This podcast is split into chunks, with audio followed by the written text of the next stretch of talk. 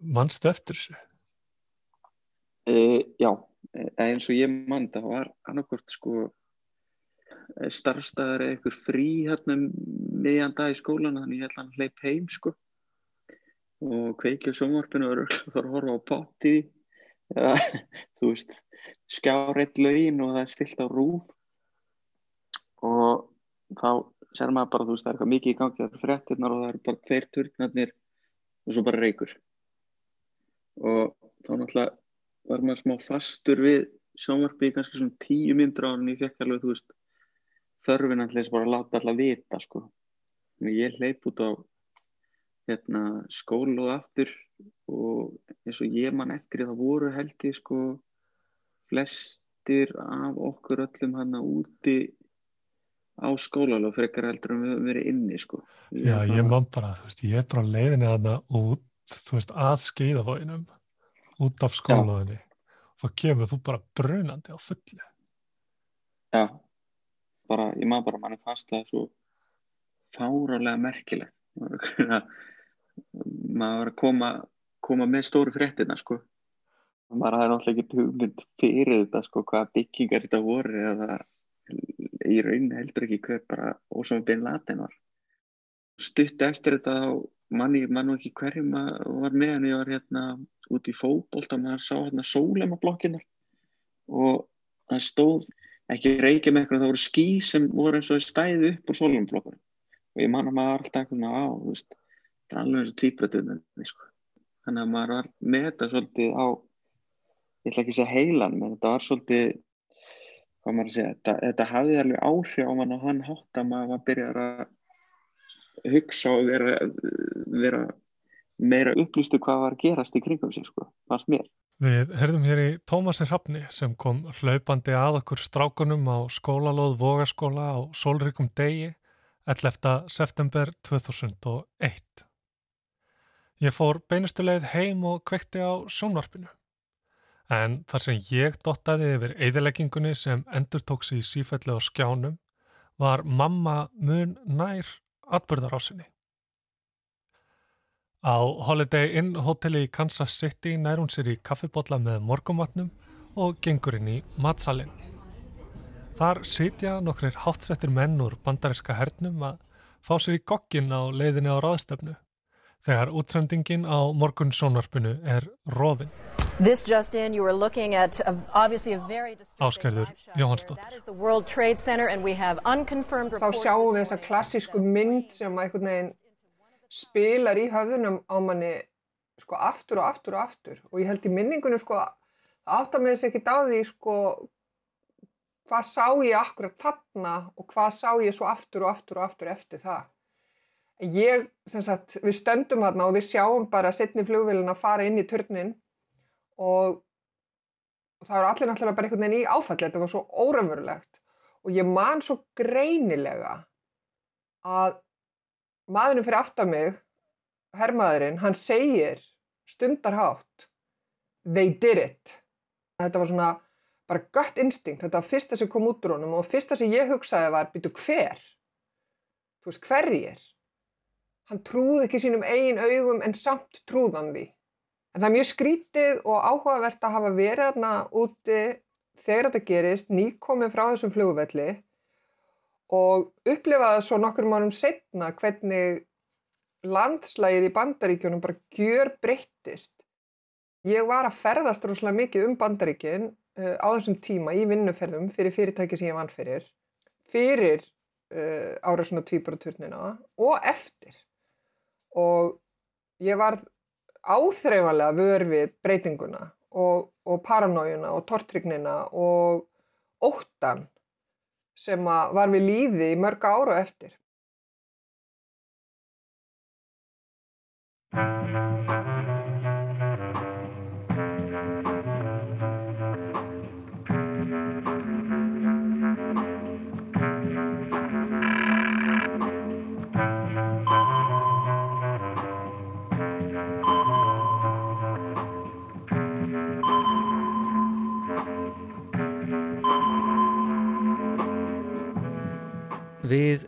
Tómas og Snorri. Þetta er Ratsjá.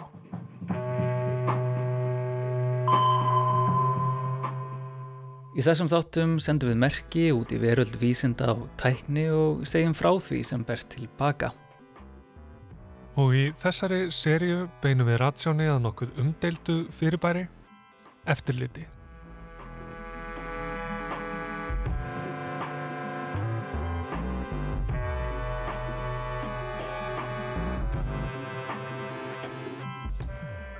Ellefta september árið 2001 urðu flugsamgöngur að öryggisókn. Það var ekki eins og flugrán og slís hefði ekki átt sér stað áður en þarna var hriðjuverkaókninni sögð stríð á hendur. Beita þurfti öllum tiltækum ráðum til að stemma stiku við þessari ógn sem er í eðlísinu takmarkalauðs. Veröldin hefur ekki verið söm síðan og í kjölfar hriðverkana hefur aukið eftirlit smittast um allan heim. En hvernig og hvers vegna vex eftirlitið? Og hver eru viðbröð okkar? Er það íll nöðsinn sem við látum okkur hafa eða finnst okkur það kannski bara fínt? Flugvellir eru furðulegir staðir ef staðimætti kalla. Þó þeir séu vissulega einhver staðar landfræðilega séð þá eru þeir eiginlega hvergilöndum leið. Hvar er lefstöð til dæmis? Ef maður skoðar vefsíður flugfélaga er lefstöð staðsett í Reykjavík. Reykjavík kef. Hún er þannig Reykjavík og Keflavík á sama tíma og ekki bara þar. Heldur er hún líka á leiðinni til Miami, á leiðinni til Gdańsk eða Köpen. Þetta er ótrúlegt. Þessar borgir tegja sig alla leiðina hingað og á flugvelli er maður í senn hverki og allstæðar. Fyrir vikið gilda hefbunna reglur, vennjur og lögmál ekki á þessum staðleysum sem eru korki hér nýja þar. Staðleysa er annað orð fyrir útópíu og á flugvöllum er allt hægt.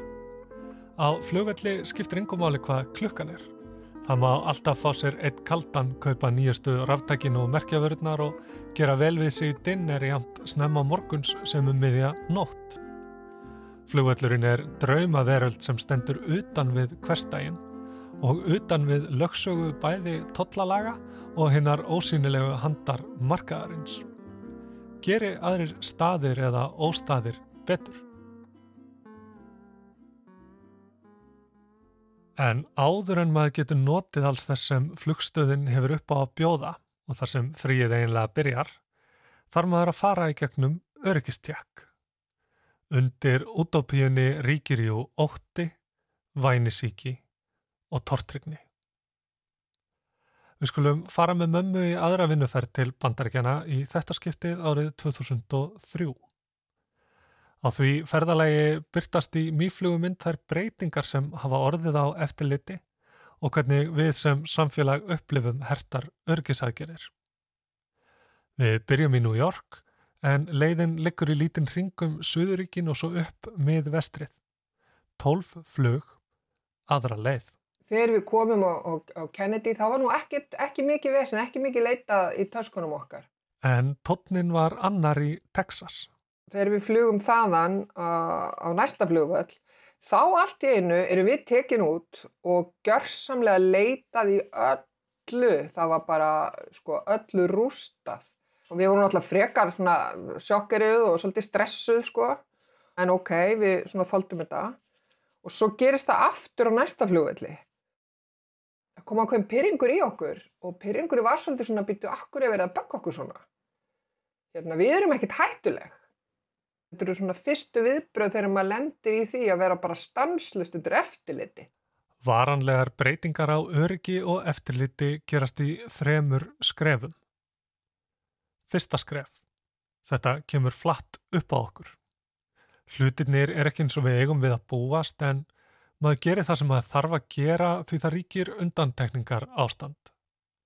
Í þessu tilviki er munurinn fyrir eitthvað mikill, það er ekki leitað svona ítalega á öllum, en oft er þetta smærri skref sem virðast ég ekki eins alvarleg. Nefna hvaða að við letum þetta yfir okkur ganga og við vorum alltaf, þetta, þetta, þetta var stressandi því að við vorum alltaf að vinna þarna. En það sem að mér fannst líka áhugavert var að eftir svona Já, ég held að, þú veist, eftir svona 5-6 skipti þá ekkert nefn voru við bara orðin Það vorum vorum vön. Annað skref. Við venjumst þessu. Undantekningin festi sig í sessi og nýtt norm verður til. Þegar vögvar og naglaklippur voru bannaður um borði í flugvelum og flugvellagestir látnir taka sér belti og skó, varum tímabundnar aðgerðir að ræða. En þessar aðgerðir eru enn við líði og ekkert farasniðir á þeim. Því örgisrástafinir eiga það til að vaksa og það er erfitt að vinda ofan af þeim. Ef innviðnir og ferlarnir eru til staðar, hvers vegna ættum við eiginlega að snúa aftur til einhvers sem er minna örugt? Er ekki lítið vit í því?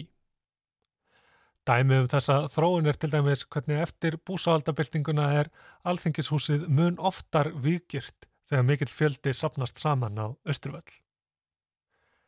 En aftur að vinnuferðinni. Hvað höfðu þessir blásaklausu Íslendingar gert til að réttlæta allt þetta eftirlit? Svarið er að finna í Little Rock, Arkansas, heima bæ Bill Clinton. Þau eru mætt eldsnemma vitandi það að leitað verði í öllu tótunni þeirra og það er engin á flugvellinum nema indæl kona í augriðslunni.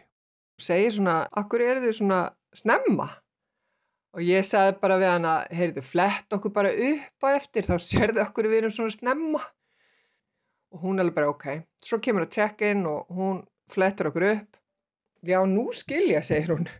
Þið eru með svona, hérna, kót órans, hérna, því miður, þá verð ég að taka allt sem við erum með í sundur.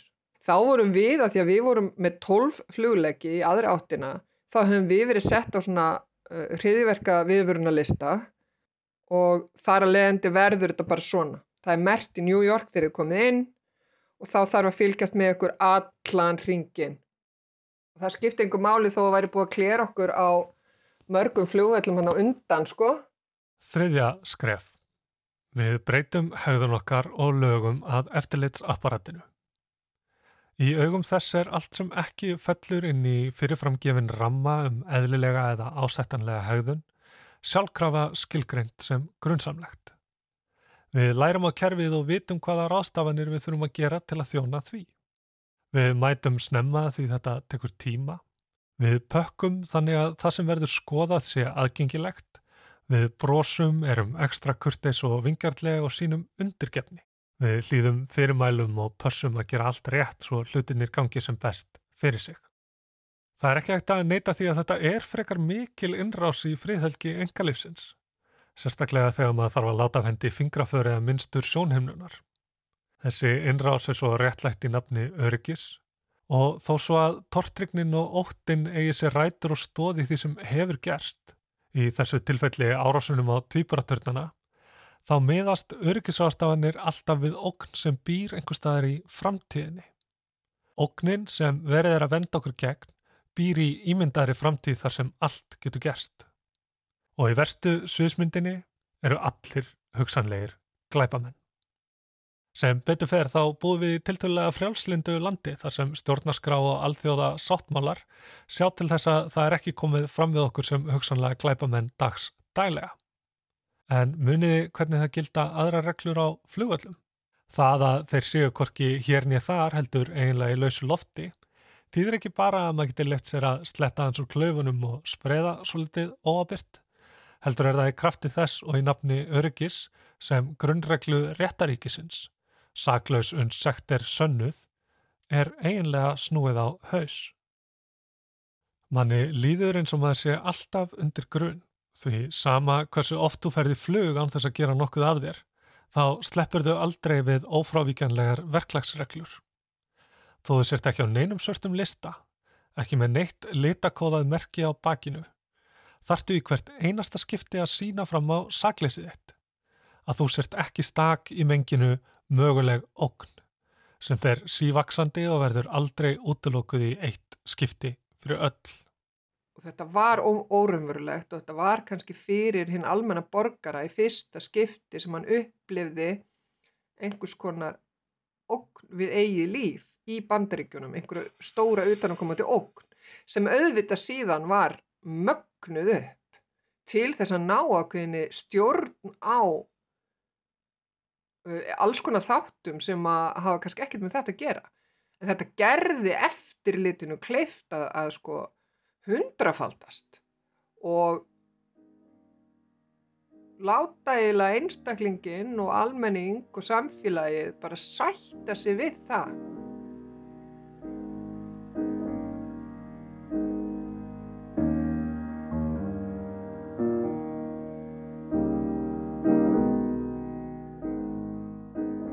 Við skulum hverfa frá einni staðleysu til annarar og fara frá flugvellunum og til dystopíunar í smástund. Ég lofa að dystopían er bara tímabundin áningastæður, rétt eins og flugvellur, áður en við hverfum aftur til nútímans.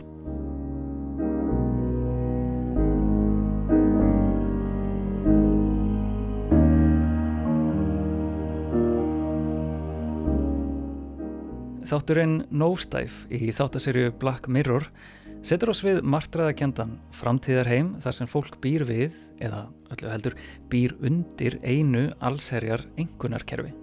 Einstaklingar gefa hverjum öðrum engun í gegnum nokkuskonar samfélagsmiðil í símanum sínum og nánast hver einasta gjörð er metin til engunar.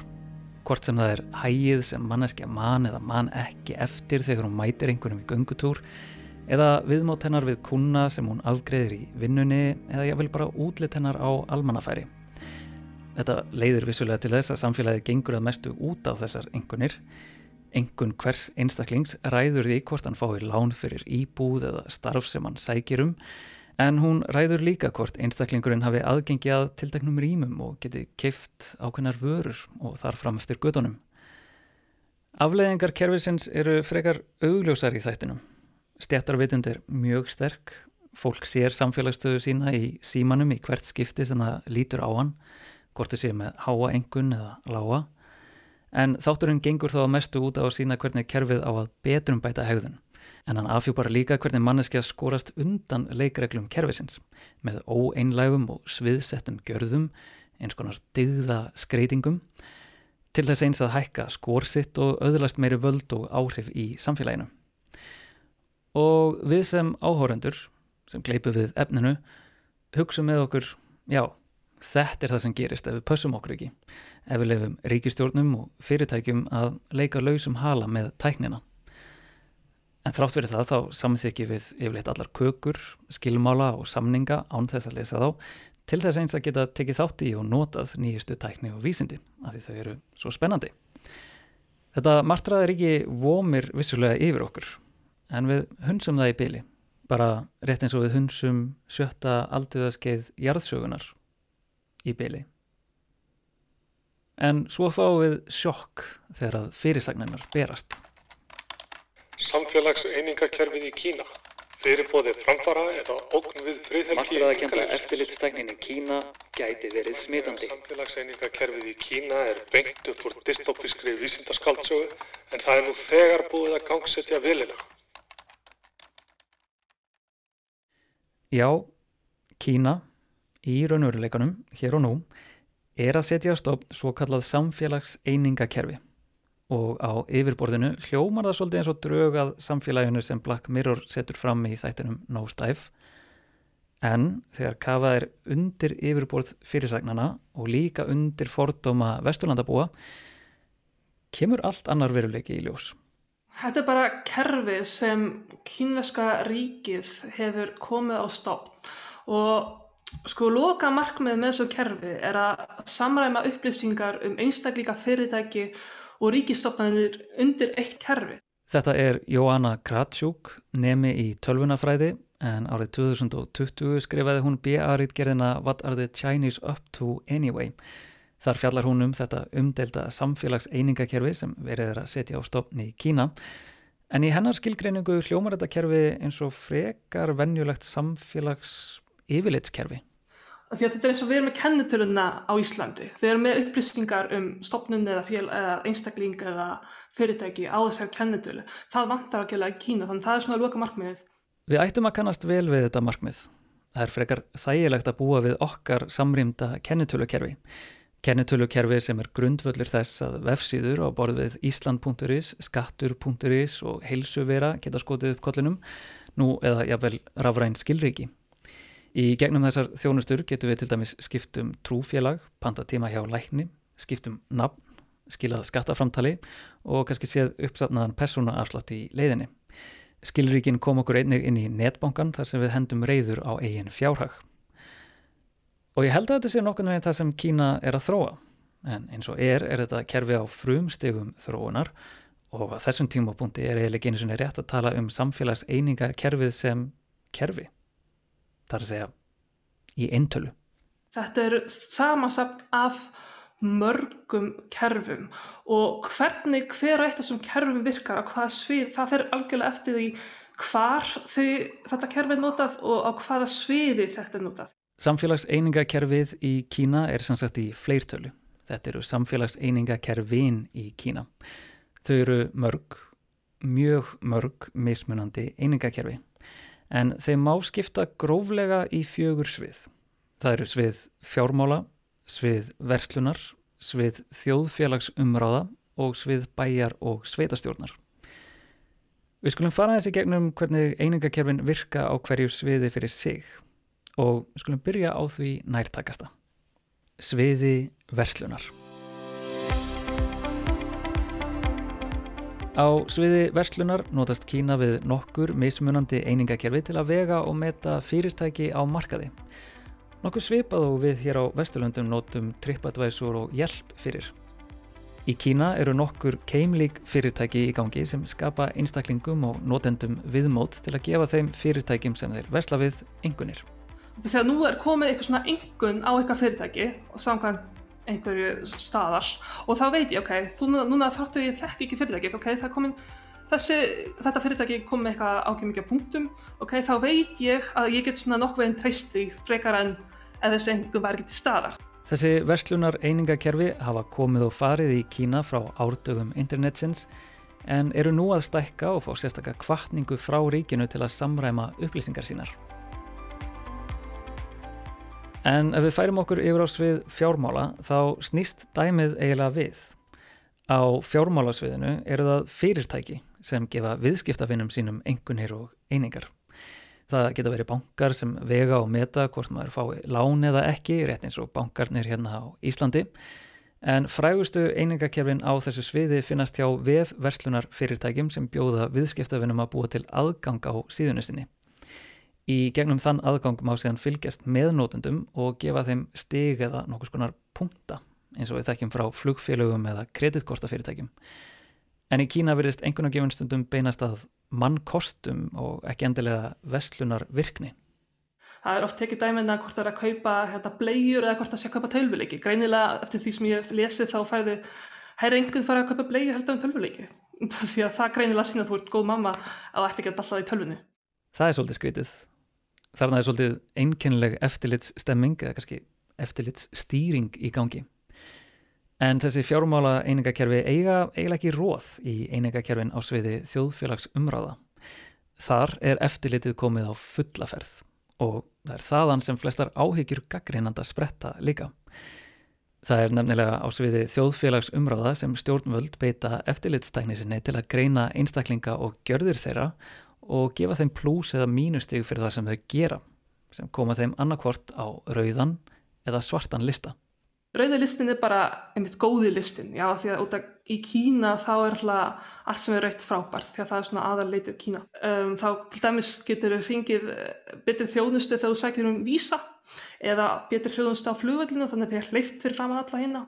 Það virðist til tölulega einfalt að komast á rauðarlistan í kerfinu, allavega á bladi maður þarf nokkurnu veginn bara að passa að borga reikningana sína, gefa öðru hverju til góðgeramála og skila skattaframtali á réttum tíma og auðvitað að bróta ekki laugin svona almennt. En svo er það svartilistin. Oftast lendir fólk á svarta listanum fyrir það að ekki borga skatta, ekki borga uh, reikninga á réttum tíma, þú veist, þetta er eitthvað svona sem dómurinn hérna, ákveður. Og þá máttu ekki fara á luxushótel, þú máttu ekki fljúa, bara nota svona luxus hérna, ferðagöngur, um, þú mátt kannski ekki fara í besta háskólan í Kína. Þetta er það sem svona kemur, getur komið fyrir þig auðvart á svarta listanum. En málið flækist í einingakerfunum þegar við förum frá sviði þjóðfélagsumráða og inn á svið bæjar og sveitastjórnar í Kína sem einnig beita rauðum og svörtum listum. Þar verða hegðunarreglunar mun sértækari, ekki bara reikningar, lög og reglur. Þá, einmitt, þá fær fólk kannski hérna einhvernir eða punta fyrir það að um, haga sér vel, hjálpa gamlu fólki út á götu Um, kannski, þú veist, bara að nefnda vinna sjálfbáða störf mm. uh, en svo fara það kannski mínusa ef það segjum að það næst á kameru að það hafi kannski sparka í barn. Ef maður vil komast inn á rauðalistan í bænum sínum þá þarf maður að standa sig sem já, eiginlega bara manneskja. Sína kurteysi, hjálpa öðrum og ekki vera með óþarfa vesen eða beita neinn ofbeldi. En ef maður klikkar á því þá er það samt ekki verst í heimi að vera á svarta listanum. Refsingarlistana ná aðalega inn á fjármálasviðið og þær refsingar sem eru gildi eru nokkuð röggrétt út pældar ef maður getur til dæmis ekki borgað reikningana sína þá meikar það eiginlega ekki sens fyrir mann að vera að borga einhver staðar annar staðar fyrir luxus hótelgistingu hvað þá fyrsta farjum í flugvölum eða lestum ef maður vill ekki sína eða skila sköttunum sínum Af hverju ætti ríkið í Kína þá að hleypa mann í bestu skóla landsins og þar fram eftir gutunum? Að því leitinu til getur þetta verið nokkuð skiljanlegt og skinsamt kerfi. En svo rata sögunar til okkar af bæjum sem opinbyra rauða og svarta nafnalista á auglýsingatöflum eða á vefsíðum og afhjúpa þannig íbúa sína sem traustverðuga eða ótraustverðuga. Og svo fara sögur af fólki í ákunum trúarhópum sem komast ekki af svörtu listanum vegna yðkunar trúarsinnar og þar fram eftir gödunum. En einingakerfin eru í stöðuri þróun í Kína og maður verður eiginlega bara að vona, fyrst þessi kerfi verðast vera komin til að vera, að þessir vankantar þeirra verði lagaðir og púsaðir til vegna þess að tilgangur kerfana er tröst. Það hefur lengi verið viðunandi svona tortrykni í samfélaginu, það hefur verið mjög lengi út af því að Kína hefur gengið í gegnum svo margt sko, sem samfélag sem land og fyrir þeim það sem mikilvægast fyrir kannski kynverja og kynverð samfélag er að hafa, jafnvægi í samfélaginu. Og það er eitthvað sem skortir. Það er eins og ég sagði mjög mikil tortrykni í samfélaginu, fólk treystir ekki hvort öðru, það treystir heldur ekkert öðrum fyrirtækjum, það er hérna, býst alltaf við því að það sé verið að svindla þeim Um, og passa mikið peninga og fjármál og svona. Og það, það er oft líka talað um að það treystir ekki alveg ríkinu. Þannig að það er einmitt sko með þessu engan gjöf þá er einmitt reynd að vera svona að sína hver er tröstverðugur í samfélaginu og með því að, einmitt, að verðlauna fólk sem var að hafa sér rétt með þessum rauða og svarta lista. Að það færði einmitt eitthvað svona betri þjónustu eða þessum rauða lista eða hvort þú já, meðal annars þú færði betri þjónustu eða betur bara þarf ekki að borða eitthvað að minni skatta getur þarf ekki kannski að fara létta, léttara fyrir að fá lán og svona. Þetta er allt gert til þess að stuðla að betri hegðun bara í samfélaginu. Og þá er bara að tala, er að tala um betri hegðun einstaklinga og líka fyrirtækja. Ég held að það sé erfitt fyrir mörg okkar að setja okkur í spór kynverja Flæst okkar hafa ekki gengið í gegnum neitt eins og það er rótæku samfélagsbreytingar sem hafa áttið stað í landinu í tímans rás. Eins og Jóhanna myndist þér á það var traust melli einstaklinga, fyrirtækja og ríkisins ímsum vankvæðum bundið í Kína. Einstaklingar gruna fyrirtæki og stopnarnir um bellibröð og fyrirtæki og stopnarnir gruna einstaklinga um hið sama. Einstaklingar virðast meira að segja sífælt gruna hvern annan um einhvers konar svindl. Þannig að það koma trausti og trúverðuleika aftur inn í slíkan kvestasleika er stort, mikilvægt og flókið verkefni og samfélagseiningakerfin í Kína þrátt fyrir að ógna tjáningafrelsi og fríðhelgi engaleifsins virðast í þessu samhengi virka. Kínverjum sjálfum, samkvæmt þeim hérna þeim rannsóknum sem hafa verið gerð þá er bara mjög góðar viðtökur á þessu kerfi á þeim svæðum sem þetta kerfi hefur verið innleitt.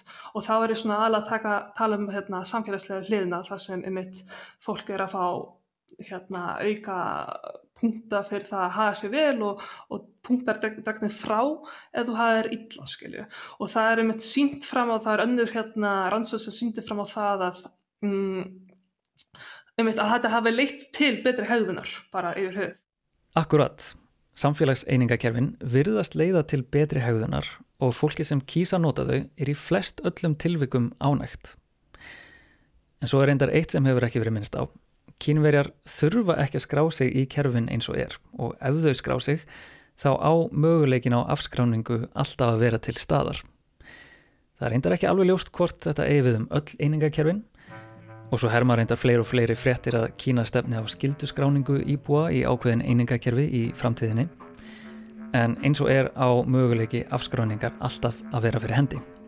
Þannig eiga þessi einingakerfi að vera opinn þeim sem vilja bæta sig sem manneskjur eða vilja bæta orðspór fyrirtækisins, opinn þeim sem vilja skapa tröst melli sín og annara með eftirlitstækni.